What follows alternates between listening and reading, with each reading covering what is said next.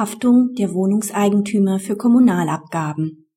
Die Haftung der Gemeinschaft bezieht sich nur auf solche Tatbestände, die aus ihrer Teilnahme am Rechtsverkehr resultieren. Grundstücksbezogene Verpflichtungen verbleiben bei den Wohnungseigentümern.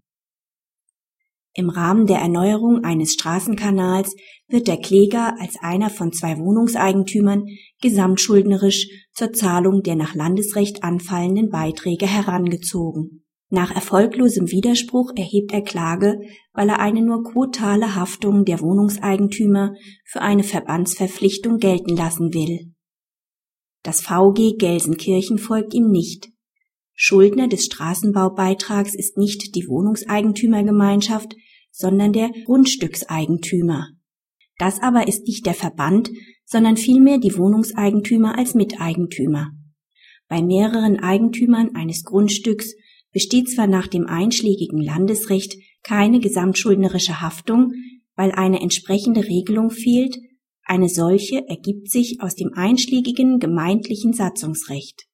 Auf § 10 Absatz 8 Satz 1 WEG kann sich der Kläger ungeachtet sonstiger Bedenken nicht berufen, da gegen ihn nun einmal keine gegen den Verband gerichtete Forderung geltend gemacht wird.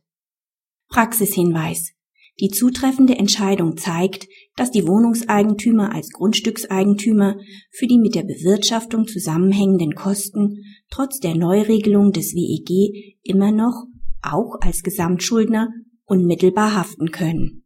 Dies war im Ergebnis bereits durch die Teilrechtsfähigkeitsrechtsprechung des BGH klargestellt worden. Entsprechende auf öffentlich-rechtlichen Vorschriften beruhende Bescheide haben sich auch nicht an den Verband, sondern an dessen Mitglieder als Grundstückseigentümer zu richten, wenn eine Zahlungspflicht ausschließlich aus dieser Rechtsstellung resultiert